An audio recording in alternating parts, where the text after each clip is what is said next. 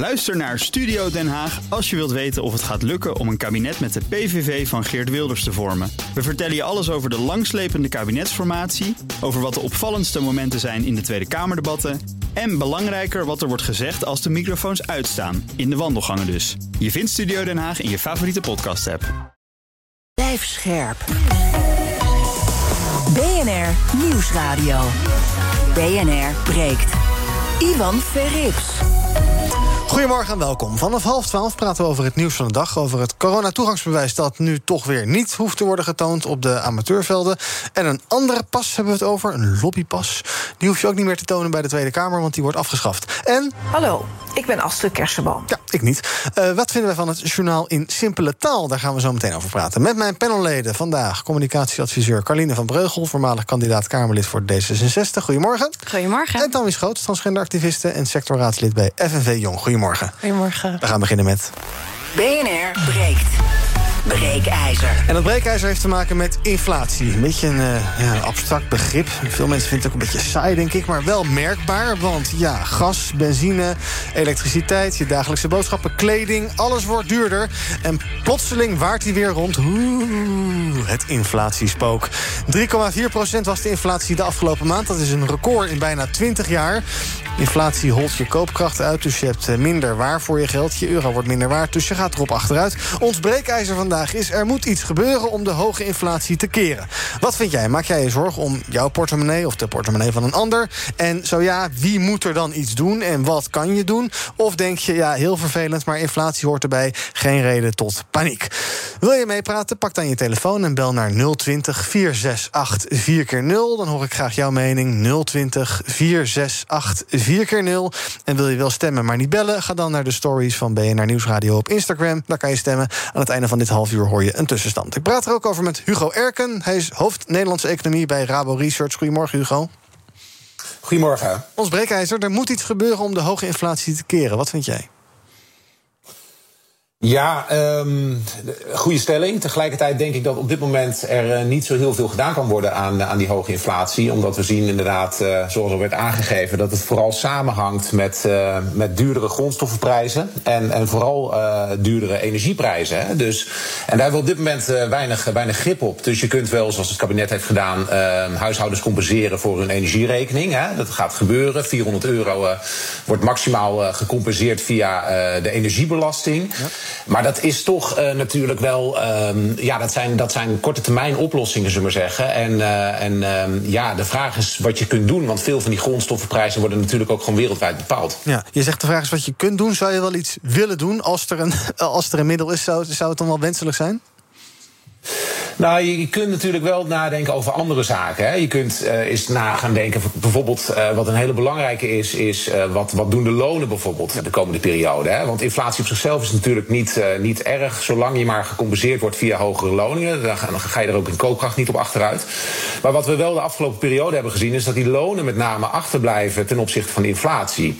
Hè, dat zagen we deze maand ook weer. Lonen zijn gestegen met 2% en de inflatie was 3,4%. Dus, en ook ja, de afgelopen jaren hebben we dat ook gezien. Dus de vraag is eventjes van uh, hoe kan het nou dat die lonen achterblijven en ook uh, het er toch blijkt dat bijvoorbeeld de vakbond steeds minder in staat is om een vuist te maken naar werkgevers om, uh, om de andere kant van de medaille van inflatie, namelijk die looneisen, op zo'n niveau te krijgen dat mensen in ieder geval niet op achteruit gaan qua koopkracht. Ja, want die werkgevers zijn niet zo happig. Laten we daar zo eventjes verder over praten. Um, even een kort rondje in mijn panel.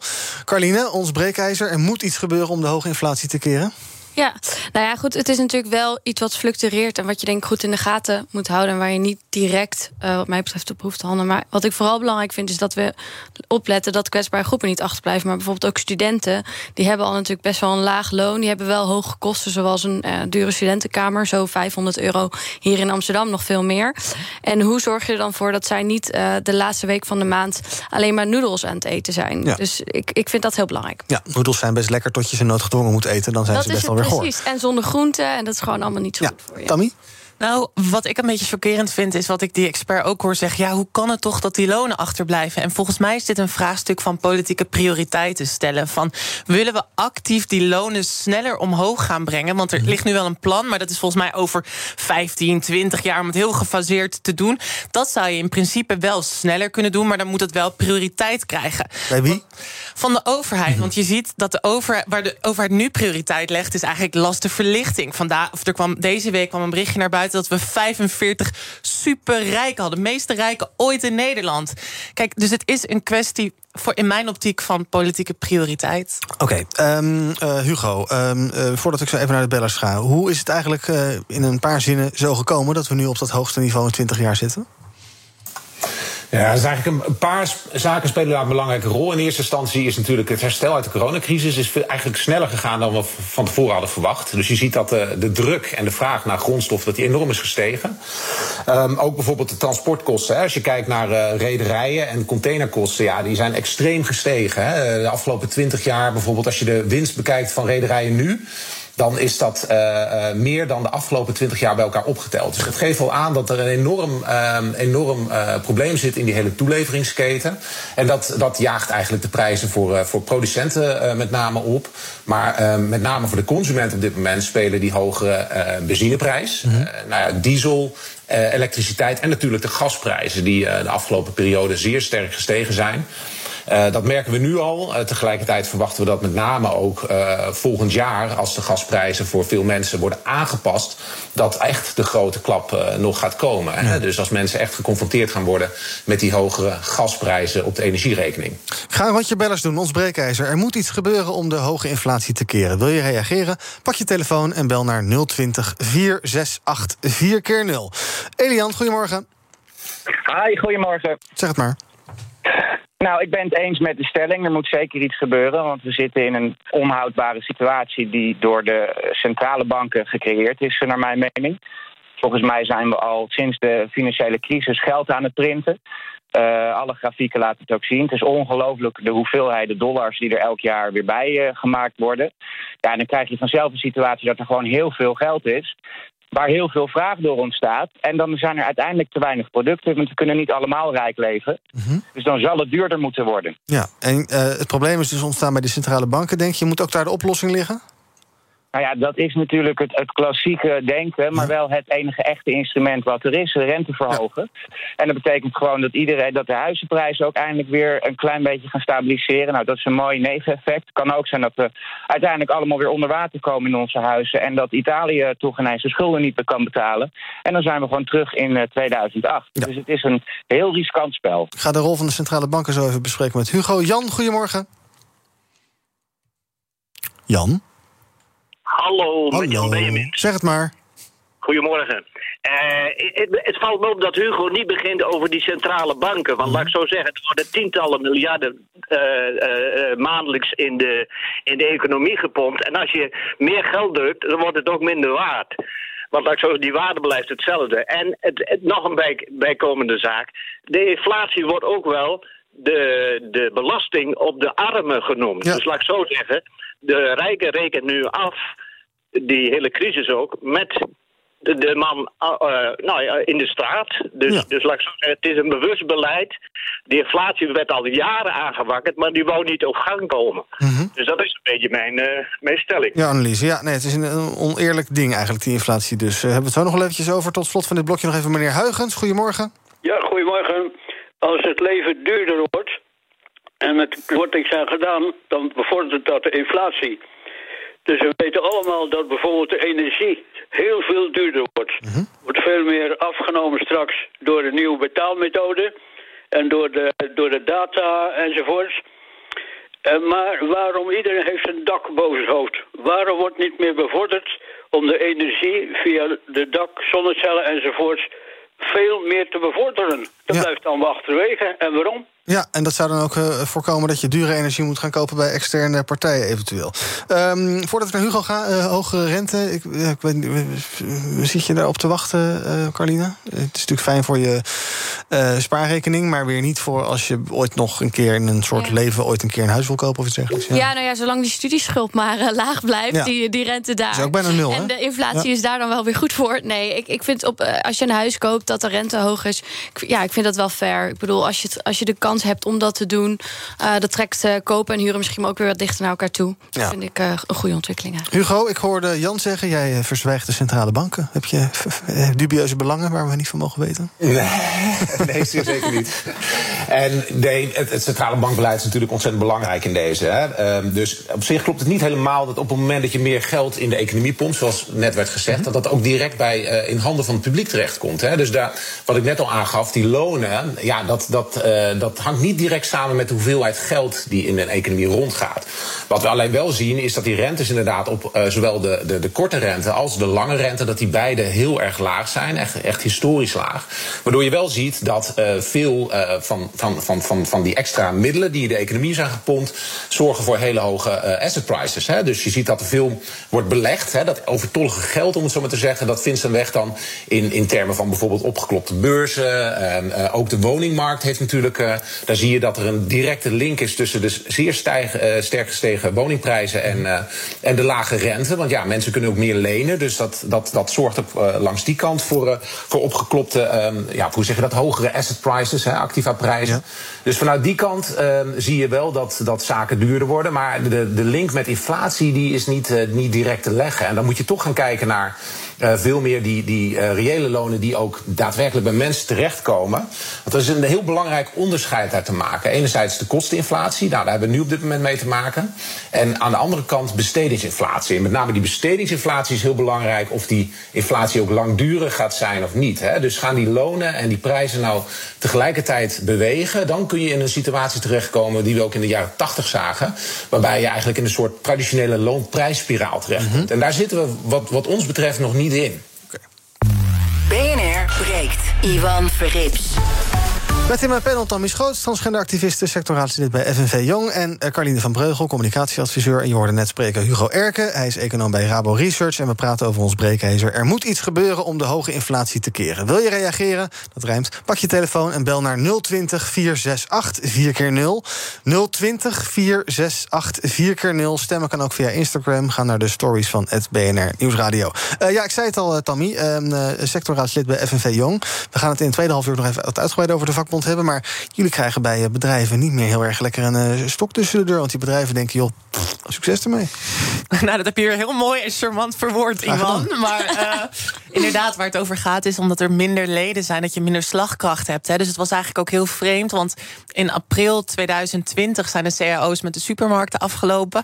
Maar vervolgens zijn er eigenlijk geen harde acties geweest... die een goed cao hebben afgedwongen. En wat er nu op tafel ligt is een 9% stijging in de lonen over drie jaar. Maar dat gaat wel ten koste van de zondagtoeslag. Ja. Dat is eigenlijk helemaal niet zo'n goede deal. Maar ja, je kan eigenlijk vrij weinig meer. Ja, want je staat tegen een reus als Ahold. Wat doe je? Ja, en kijk, we hebben natuurlijk ook het kabinet niet echt mee. We, Mensen hebben het de hele tijd over die compensatie voor de energierekening... Hè, van tot maximaal 400 euro. Maar dat is voor alle huishoudens. Ja. Je moet je afvragen of een, of een single moeder in een uitkering... die heeft dat veel harder nodig dan iemand die twee ton uh, verdient per ja. jaar. Maar die krijgt, wordt ook gecompenseerd.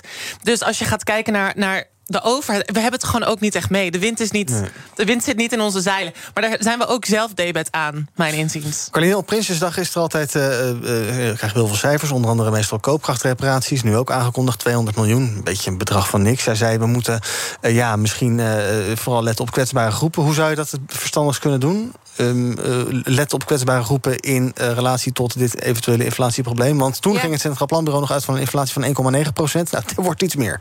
Ja, nou, kijk, ik denk dat je voor de een is de bewijzen van 10 euro per week het verschil tussen wel of niet uh, gezond kunnen eten. En voor de ander is 10 euro per week letterlijk voel je er niks van. Ik denk dus daarom dat je echt wel een verschil mag maken tussen hoeveel hebben mensen te besteden, hoe zijn mensen ervoor ten opzichte van mensen die bijvoorbeeld wel uh, 100.000 euro per jaar verdienen. Mm -hmm. en ik denk dat we dat ook meer moeten durven doen. Ook in toeslagen, zoals Tammy ook al zei. Maak onderscheid. Um, tegelijkertijd geef wel een student die alleen een kamer heeft, geen eigen voordeur, ook een toeslag. Want het slaat natuurlijk nergens op. Die mensen hebben net zo weinig geld als als je wel een eigen hebt. Dus trek die toeslagen beter, zou ik zeggen. Ja, je ziet in Duitsland met de SPD, hè, met die hele verkiezing. Die SPD had ook, was ook aan het pleiten. Dus de Sociaaldemocraten mm in Duitsland waren aan het pleiten voor progressieve belastingen. En mijn inziens, en progressieve toeslagen ook. En mijn inziens zit, inziens zit daar de oplossing. Iemand die superrijk is, hoeft niet op dezelfde manier gecompenseerd worden als iemand die arm is. Maar dat is gewoon. Ik heb niet het gevoel dat dat bewustzijn er is bij ons kabinet. Ja. Uh, Hugo, ik zei al even, die koopkrachtreparatie van Prinsjesdag, die is niet meer helemaal realistisch meer. Eh, zou je daar nog iets aan kunnen doen? Of is dat allemaal uh, in het verleden? Nou, ik ben het wel helemaal eens uh, met Tammy dat, uh, dat die 400 euro, dat dat inderdaad een, een, een generieke, hè, dus een algemene mm verlaging van die energiebelasting, dat dat misschien niet de, de, de, de goede weg is. Hè. Misschien had je het veel anders, hè, moet je, had je het toch anders moeten doen. Misschien een soort van NOE-achtige regeling, waarbij je kijkt van, nou ja, als je in aanmerking komt, uh, hè, je voldoet aan deze criteria, je hebt bijvoorbeeld een laag inkomen, je woont in een, een huurhuis en je hebt een hele hoge energierekening, dat je dan bijvoorbeeld via het gemeenteloket gecompenseerd had kunnen worden. Dan had je veel gerichter die mensen kunnen helpen die het ook echt daadwerkelijk nodig hebben. Dus daar ben ik het wel eens. Uh, tegelijkertijd is dat natuurlijk uitvoeringstechnisch wel weer heel erg ingewikkeld. En we hebben natuurlijk uh, net een periode achter de rug waarbij we uh, hebben gezien hoe hopeloos fout het kan gaan met toeslagen. Hè. En meer in algemene zin, als je het hebt over toeslagen en, en aan de andere kant um, um, weer allerlei indirecte belastingen. Het, het belastingssysteem in Nederland is op dit moment veel te, en veel te ingewikkeld. Dus ook langs die weg zou je eigenlijk iets moeten doen om het juist eenvoudiger te maken. En op het moment dat je er dus via de energierekening uh, weer allerlei uh, andere uh, zaken gaat proberen te regelen, dan. -hmm wordt het ook niet makkelijker op. Dus, um, maar ja, en ik heb ook geen oplossing daarvoor. Hè. Dus ik, in die zin, uh, ja, ik benijd niet de, de beleidsmedewerkers in Den Haag om uh, hoe, hoe ze dit hadden kunnen oplossen, eerlijk gezegd. Nee, misschien een beetje een stomme vraag, maar kan je zelf iets doen om de negatieve gevolgen van die inflatie? ja, je kan thuis gaan zitten en je licht doen in je verwarming, dan heb je er niet zo'n last van. Maar ja, je, je hebt niet echt keuze. Nou ja, goed, je kunt natuurlijk wel gaan denken aan een bijvoorbeeld hè, voor de mensen die dat kunnen: uh, huizen isoleren, zonnepanelen op het dak, warmtepompen, uh, spouwmuurisolatie, dat soort zaken kan natuurlijk allemaal wel. Maar dit is juist het probleem, en daar werd net al eventjes uh, op gewezen door die mevrouw van de FNV: van ja, sommige mensen die zitten in hun huurhuis en die kunnen geen kant op. Die hebben ook helemaal het geld niet en de middelen om, om dat te doen. Dus met name die groep, daar zou je toch wel iets voor willen gaan doen eigenlijk. Hè? Ja. Nog even over die inflatie. ik hoor, las allerlei deskundigen in de krant en dergelijke die zeggen: ja, het is waarschijnlijk allemaal maar tijdelijk. Uh, wat denk jij en vooral waar hangt dat vanaf? Ja, wij denken ook nog steeds, uh, al is het wel lastig, hè, want ja, er was ook een hoop uh, hoon richting Christine Lagarde, natuurlijk, de president van de ECB, dat uh, zij ook aangaf van het is tijdelijk. En -hmm. wij zitten ook nog steeds wel op die, op die tour dat we denken inderdaad dat het tijdelijk is, vooral omdat het gaat om kosteninflatie. Hè, dus die kosteninflatie, nu zie je dat je eigenlijk 2 euro bijna betaalt voor een liter benzine. Ja. Nou, als die prijs 2 euro blijft, dan loopt volgend jaar gewoon ehm, de, de, de, de bijdrage aan de inflatie van die, uh, van die 2 euro benzine loopt er gewoon uit. Mm -hmm. Dus alleen al vanuit, uh, vanuit de methodiek hoe inflatie wordt gemeten, zul je zien dat die inflatie in de hogere energiekosten die we op dit moment zien, dat dat uit de inflatiecijfers gaat lopen. Dus als je echt wil dat inflatie langdurig op een hoger plan blijft, als, als je dat vreest, zullen we maar zeggen, dan zal er iets moeten gebeuren met de lonen waar ik al eerder aan, uh, aan refereerde. Die lonen moeten dan op gang komen. En dat kan eigenlijk alleen maar op het moment dat, dat je dus in zo'n soort loonprijsspiraal terechtkomt. En daar zien we dus, en daar werd net ook al eventjes aan gerefereerd, dat, uh, dat die lonen dus onvoldoende reageren op wat er dus met die prijzen gebeurt. Dus uh, wij zien die loonprijsspiraal nu op dit moment nog niet. En nee. we verwachten eigenlijk voor volgend jaar ook dat die lonen nog wat achter zullen blijven bij de inflatie. Waarom? Wat is er nodig om dat een beetje aan te jagen, die uh, loonprijsspiraal? Nou ja, goed, de vraag is of je er überhaupt in moet komen. Je wil in ieder geval wel dat mensen gecompenseerd worden... zodat ze in de koopkrachten niet op achteruit gaan. Ja. Hè? Maar wat je wel ziet, en, en uh, is dat inderdaad bij de vakbonden... dat, uh, dat op dit moment nog maar 13,9% van de werknemers lid is van een vakbond... Mm -hmm. Uh, terwijl dat was in de jaren 80 was dat, uh, was dat uh, 30 procent. Dus je ziet inderdaad een, een, neerwaartse trend. En de vraag is van, ja, kun je dat op een of andere manier keren... zodat inderdaad de vakbond ook een, een iets sterkere vuist kan maken... op het moment dat die loononderhandelingen moeten worden gedaan. En daar kan misschien mevrouw van de FNV nog even op reflecteren. Want ja, als je het vraagt aan, aan jongeren bijvoorbeeld... waarom ben je geen lid van de vakbond... dan zeggen heel veel van die jongeren... ja, ik heb er eigenlijk nog nooit over nagedacht. Terwijl het vanuit hun eigen positie natuurlijk ontzettend belangrijk is... dat ze dat wel doen. Ja, voordat we dus, dus dat is een... mevrouw van FNV gaan... Carline, ben jij lid van de vakbond? nou, uh, nee, ik ben niet lid van de vakbond. Nee. Waarom niet? Ja, uh, goede vraag eigenlijk wel hoor. Want ik was wel altijd dus heel actief bij de studentenvakbond. Ja. En ik vind het ook wel heel belangrijk. Um, ja, ik denk dat dat vanuit mijn werkgever dan ook niet genoemd is. En dat mm -hmm. je dan automatisch inderdaad... Ja, ja ik zag ook staatjes gisteren. Uh, in, de, kijken, in de informatie- en communicatie-industrie... daar werken de, er zitten de minste mensen die bij een vakbond lid zijn. Ik geloof inderdaad uh, nou, echt ja. een minimaal percentage. Je hebt ook niet echt zo'n CAO of zo, zeg maar. Ik zie Tammy verdrietig wegkijken. Haal ja, er even over. Spijt me, Tammy. nee, nee, nee hoor. ik uh, ben hier niet om je te, om je te overtuigen. Um, nu moet ik natuurlijk gaan verdedigen. Ja, Jawel, zeg maar. Nou, voordat ik dat ga doen, wil ik nog heel even één ding zeggen. We moeten denk ik uiterst voorzichtig zijn met uh, die toeslagen, zeg maar. He, hoe moeilijk dat is te bereiken. Want de VVD heeft echt al jaren in hun partijprogramma staan... dat toeslagen afgeschaft moeten worden door, voor studenten. En dat, niet, dat dit niet een soort fout narratief wordt... waarin de VVD hun, hun partijprogramma kan gaan realiseren... en voor allerlei kwetsbare groepen die toeslagen kan gaan afschaffen. Dat wil ik eerst gezegd hebben. Ten tweede, waarom jongeren zeg maar niet meer uh, lid worden van de vakbond. Kijk, ik denk dat daar gewoon. Het probleem is gewoon een beetje dat daar. Dat. dat ja, ik weet, ik weet niet goed hoe ik dit moet zeggen, maar. Er zijn zo ongelooflijk veel PVV en FVD-stemmers in die vakbond... die gewoon tegen hun eigen belangen instemmen. En het is gewoon heel moeilijk om als jong mens daarin te komen... Hm. en niet worden weggezet als extreem, wappie, gendermuppet... Weet, weet ik veel wat. Ik vind dat best wel een zware taak. En ik denk ook dat daardoor het bewustzijn bij heel veel jongeren... omdat het niet meer het, het, komt eigenlijk niet meer mee. De narratieven die gebruikt worden, zijn, die doen het goed onder oudere mensen. Weet je, het is een beetje. Uh, Oké, okay, dit is een heel. Ja. Ik begrijp, dit is een beetje een warrig verhaal, maar we kunnen niet meer, zeg maar. Nee, wat heftig dat je dat zo ervaart, ja. Ja, ja, ik, ik, Voordat, ik, voordat ik zeg maar bij. Ik ben echt expliciet gevraagd mm. om een kandidaat te stellen voor de sectorraad. Daarvoor had ik ook geen idee dat het ook voor nee. mij was. Wat moet een transpersoon nou zoeken in de vakbond? Nu ik er meer inhoudelijk in zit, merk ik van oké, okay, transitieverlof. Dat is nu gerealiseerd bij de IKEA bijvoorbeeld. Super belangrijk. Ja. Maar dat is niet zeg maar dat, dat komt niet publiekelijk naar voren. Daar hebben we met de media denk ik ook wel een probleem mee. Als je gaat kijken naar de cijfers, zijn het vooral hele rechtse mensen die mm -hmm. daar zitten. Dus het is ook best moeilijk om als FNV dat verhaal te kunnen vertellen.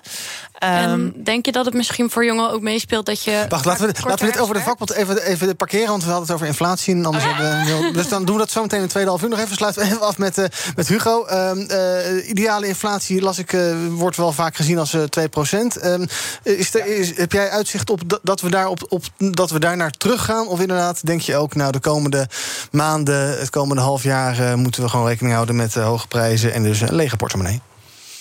Nou ja, goed. Uh, wij, wij, wij, hebben wel onze inflatieverwachting naar boven moeten bij, uh, bijstellen ja. door, uh, door alle ontwikkelingen. Hè. We zaten op 1,7% voor volgend jaar. En nu hebben we dat boven, naar boven bijgesteld naar 2,7% Dus toch wel een procent erbij. Dat is best wel veel.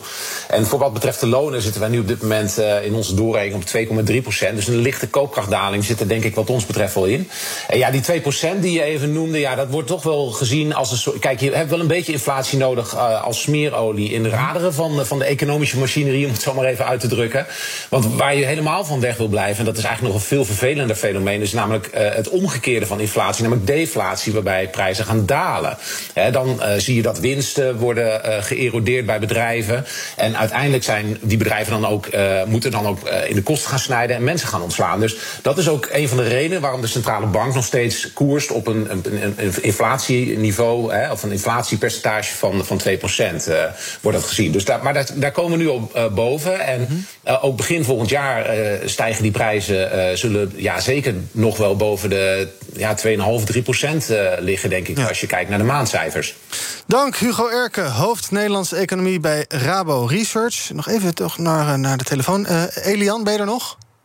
Ja, hi. Wat hang je lang aan de telefoon? We zijn, nou, al, we zijn al klaar, joh. Nou ja, ik vind het interessant. En Oh ja. ja, ik mis toch nog wat nuance. Het gaat over toeslagen, het gaat over de vakbond. Volgens mij moet je kijken naar de reële economie. Eh, met die toeslagen zorgen we eigenlijk alleen maar dat die energieproducenten hun grote winsten kunnen blijven maken. Die vraag zal gewoon weer iets omlaag moeten. Nogmaals, we zijn gewoon iets te rijk en er zijn iets te veel mensen die van alles willen. En ehm, ja, vakbonden, volgens mij moet er gewoon... eh, inderdaad moeten we zorgen dat de economie draait... zodat mensen gewoon eh, mensen willen aannemen. En dat we gewoon... ja. Dankjewel, Elian. Ja, er gaan nu nog meer mensen bellen, maar dat was niet de bedoeling. We zijn ook eind, aan het einde van het half uur. Op Instagram is het eh, als volgt. Eh, 74% is het eens met onze stelling. Er moet iets gebeuren aan de, eh, om de hoge inflatie te keren. Je kan nog de hele dag stemmen al daar. Zometeen gaan wij praten over hele andere dingen. Over de coronapas, die je toch niet hoeft te laten zien langs de velden. En de lobbypas, dat is een hele andere pas. Maar die gaat er ook aan. Wat dat is en waarom die weg moet... en of dat echt slecht is of goed... hoor je allemaal zo meteen in het tweede deel van BNR Breek. Tot zo. Ook Bas van Werven vind je in de BNR-app. Ja, je kunt live naar mij en Iwan luisteren tijdens de ochtendspits. Je krijgt een melding van Breaking News. En niet alleen onze podcast Ochtendnieuws, maar alle BNR-podcasts vind je in de app. Download nu de gratis BNR-app en blijf scherp. Scherp. BNR Nieuwsradio. BNR breekt. Ivan Verrips. Welkom terug. In mijn panel vandaag communicatieadviseur en voormalig kandidaat Kamerlid voor D66 Carline van Breugel. En ook Tammy Schoots, transgenderactiviste en sectorraadslid bij FNV Jong. We gaan praten over het eh, nieuws van de dag. Gisteren heeft de Tweede Kamer blijkbaar naar deze uitzending geluisterd. Want ons breekijzer was gisteren: sporten moet altijd zonder coronapas kunnen. Nou, dat is niet helemaal gelukt. Maar wat de Kamer wel is gelukt, is dat er geen coronatoegangsbewijs nodig is voor amateursporten in de buitenlucht. Demissionair minister-president Mark Rutte zei dit in de Tweede Kamer gisteren. Nee, dat was vannacht zelfs, iets na twaalf. Het zakt echt onder het OMT-advies. Want het OMT-advies zegt sportbeoefening vooral binnen. Dus daar snap ik dat je zegt laat de sportbeoefening buiten dan. Dat zou je nog kunnen doen. Ik denk dat het heel rommelig wordt. Maar goed, als de Kamer er anders over denkt. Ik wil hier niet uh, de, de, de zeurpiet zijn. Nee, en Rutte wil niet de surpiet zijn. Um, het is niet goed dat, uh, uh, dat de Kamer dit heeft weten los te peuteren. Want ja, als jij met je kinderen naar voetbalvelden gaat... of uh, hockeyvelden of tennissen... ja, dat is toch niet te doen om dan daar passen te gaan controleren en dergelijke. Nee, zeker. En ik denk ook dat, dat het ook heel veel mensen gaat uitsluiten. Terwijl wat zag je nou gebeuren dat in, in die pandemie toen alles gesloten was... is dat mensen hebben een ontladingsklep nodig. Dus anders dan krijg je allemaal jongeren die op stranden gaan feesten. En nu kan, je gewoon, kan iedereen alsnog lekker buiten gaan sporten. Ik denk dat dat heel belangrijk is als een soort uh, spanningsontlading. Ja. Uh, Carline, hebben ze in Den Haag wel een soort idee hoe maatregelen eigenlijk in de praktijk werken? Dat ja, je bedenkt iets, even, even een cliché, maar vanuit de Ivoren Toren. En dan blijkt dat dan toch, ja, dat is een beetje flauw, maar goed. En dan blijkt dat eigenlijk niet haalbaar. Uh, ja.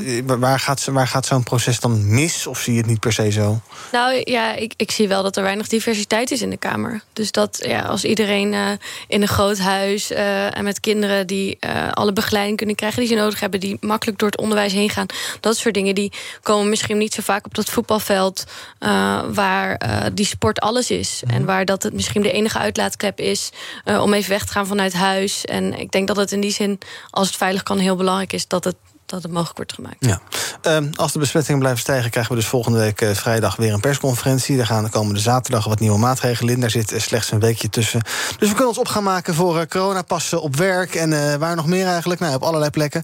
Ehm, zie je daar tegenop, Tammy? Is het. Nou. Ja, hoe, welke afweging maak je? Want je kan ook zeggen, nou, doe dan maar een korte lockdown. Of doe weer winkels dicht. Of maak winkels en horeca onbereikbaar voor mensen die niet, niet, niet gevaccineerd zijn. Niet dat ik dat wil, maar ik bedoel meer, ja. Hoe, nou, ik heb, ik heb hier twee opmerkingen over. Waar ik niet tegenop kijk, is dat het debat weer super intens gaat worden. Hè? Dus dat we weer allemaal ruzies krijgen, op, niet op feiten, maar op meningen en gevoelens.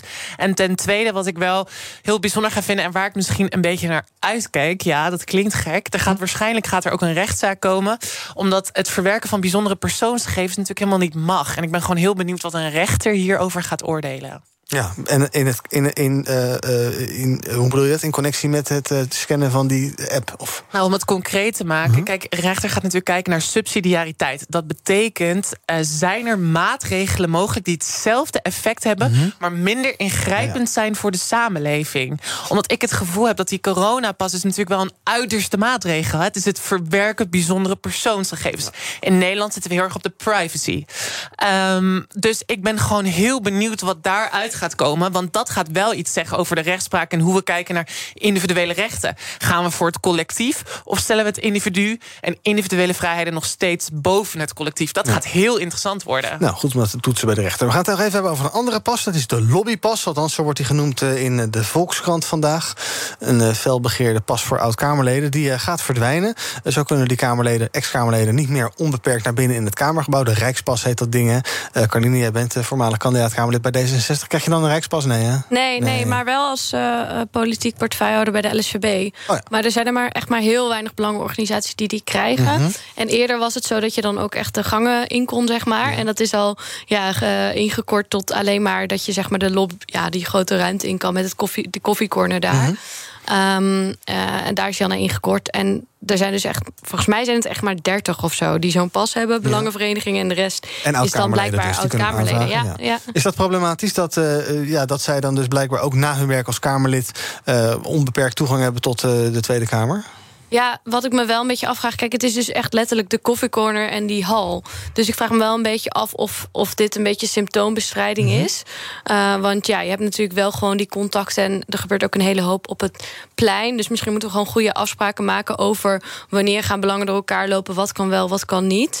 Uh, in plaats van eigenlijk alleen een toegang tot die ruimte. Want ja, als, jij een afspraak, als ik een afspraak heb met jou... nee, niet met jou, maar met een Kamerlid... Ja. en ik ben binnen, kan ik ook blijven plakken. En ja. als al mijn vrienden nog in de Kamer werken... ja, dan heb ik gewoon elke ochtend om negen uur een bewijzen van. Mm. Dus of dit dan echt de oplossing is, weet ik niet. Maar wel goed dat er naar wordt gekeken. Ja. Is het een probleem, uh, uh, lobbyende ex-Kamerleden, Tammy? Kijk, wat het ding natuurlijk is... en wat je op een gegeven moment zag ook met heel veel Kamerleden... als je te controversieel wordt, kan je gewoon geen baan meer vinden daarna. Die lobbypas was natuurlijk een uitgelegen... Uh, ding, element, om, om die Kamerleden aan te nemen als bedrijf of lobbyorganisatie. Maar wat zie je gebeuren? Dat die Kamerleden er natuurlijk ook wel een beetje op gaan anticiperen. Als jij uh, denkt van oké, okay, ik wil zo meteen bij een energiebedrijf, laten we het daar maar even over hebben, ga voor een energiebedrijf gaan lobbyen of voor de tabakindustrie. Ik kwam weer naar buiten deze ja. week.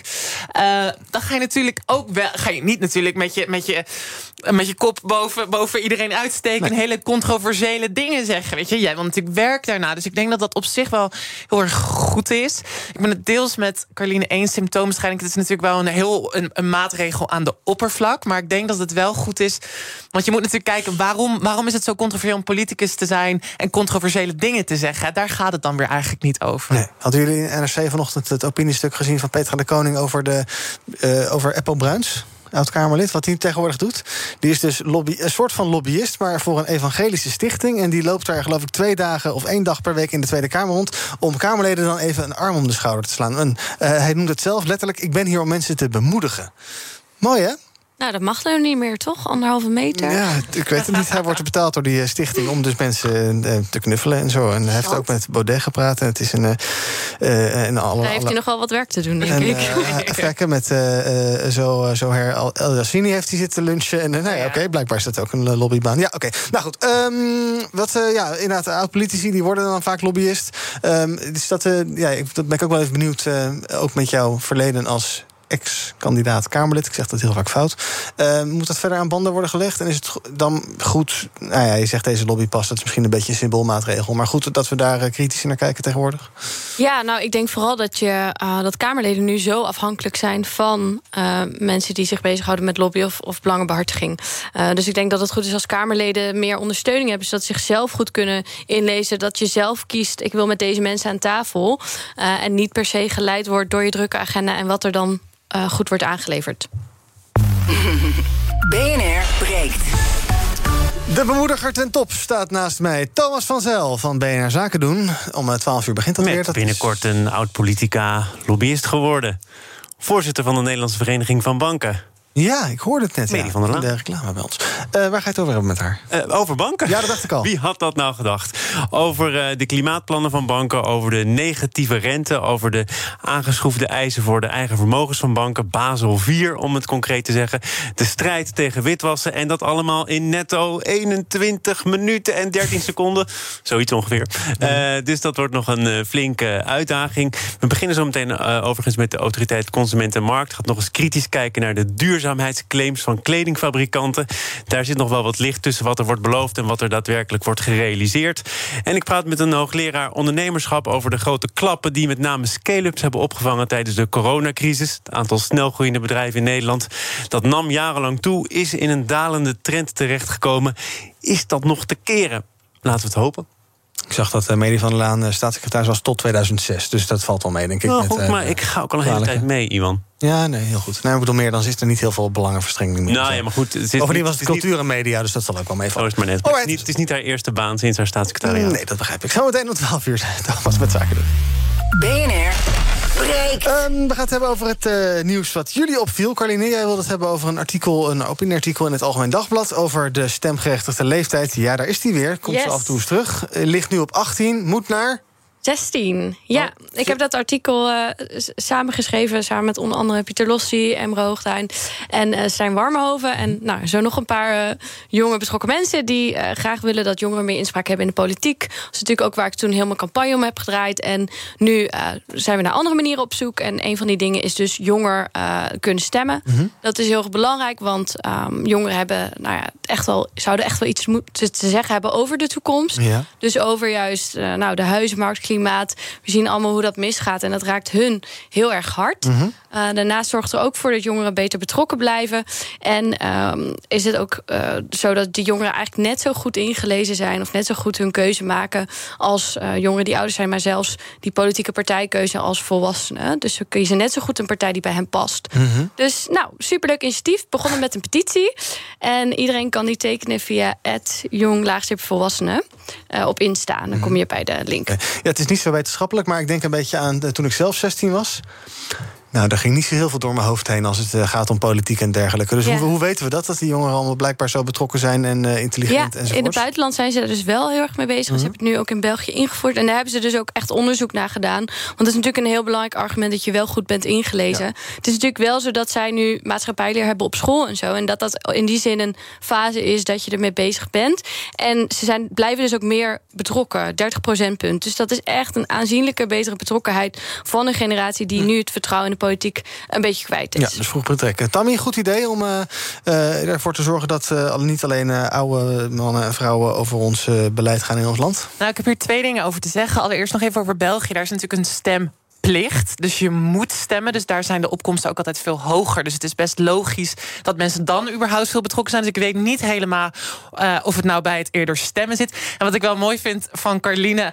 het zijn altijd linkse, progressieve, jonge mensen... die zichzelf altijd in de vingers snijden. Want de mensen tussen 16 en 18 stemmen voornamelijk PVV. Of Forum voor Democratie. Volgens mij was er een onderzoekje, maar dit is alweer een tijdje geleden... toen FVD nog niet eens in de Kamer zat... dat PVV de grootste was onder 16 tot 18. Als je gaat kijken naar hoe PVV economisch stemt. Op huizenmarkt, op werk en inkomen is het vaak met de VVD mee. Dus dat is vaak niet heel goed. Maar ik vind het wel.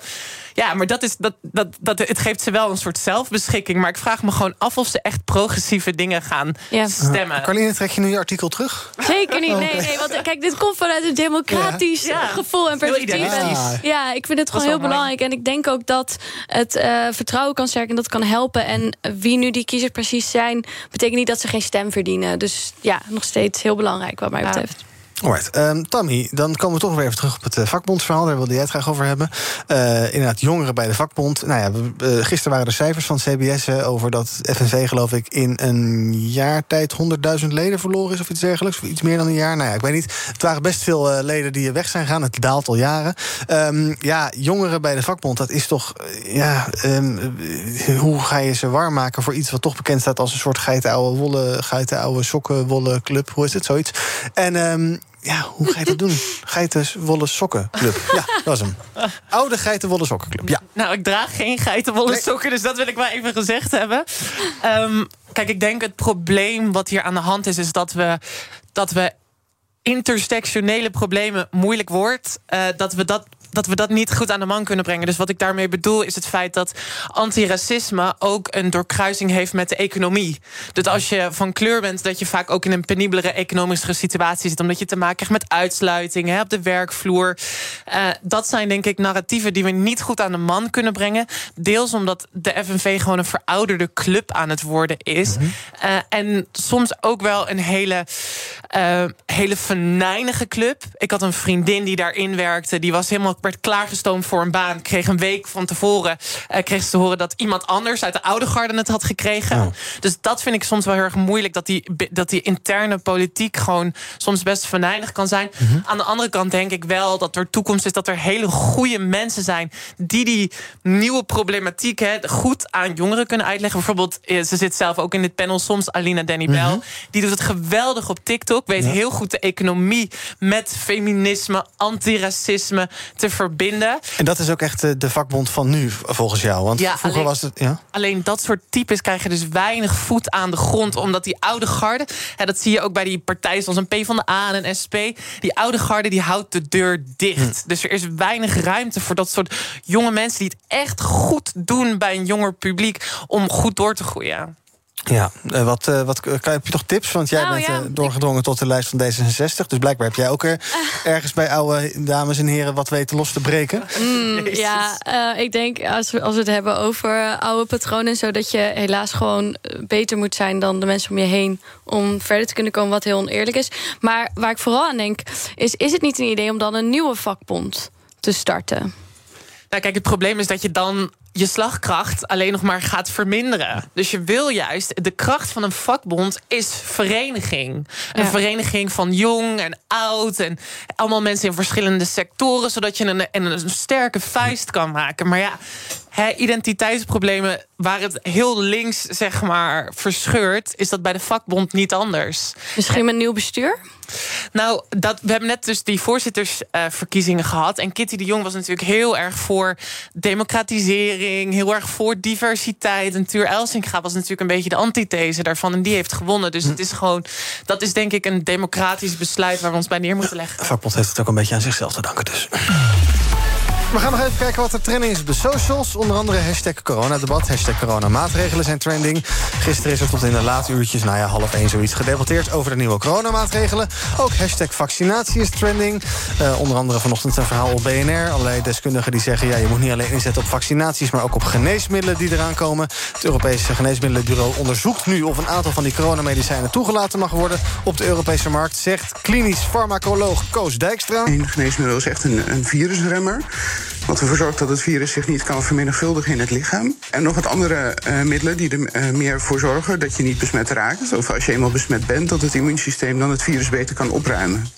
Nou, dat zijn allemaal best veelbelovende geneesmiddelen. Ja, laatste nieuws van 10 minuten geleden trouwens van de Financial Times... dat het, eh, eh, de pil van eh, Merck, eh Molnupiravir heet dat geloof ik... dat die eh, nu een eerste toestemming heeft gekregen... toegang in de, het Verenigd Koninkrijk. Tot slot, hashtag Ajax is trending... omdat Ajax Borussia Dortmund heeft verslagen met 1-3.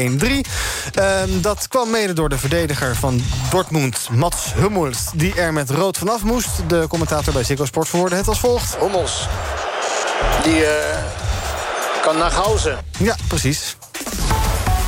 Gaan wij ook zo doen over twee minuutjes. Nog even het volgende. Ehm, eh, wij eh, we zijn hier natuurlijk best wel allemaal moeilijke uitzendingen aan het maken... met moeilijke woorden zoals eh, asset prices en inflatie en dergelijke. De NOS heeft bedacht, dat moeten we eens anders gaan doen. Zij starten met een journaal voor mensen die moeite hebben met de Nederlandse taal. Het NOS Nieuws van de Week.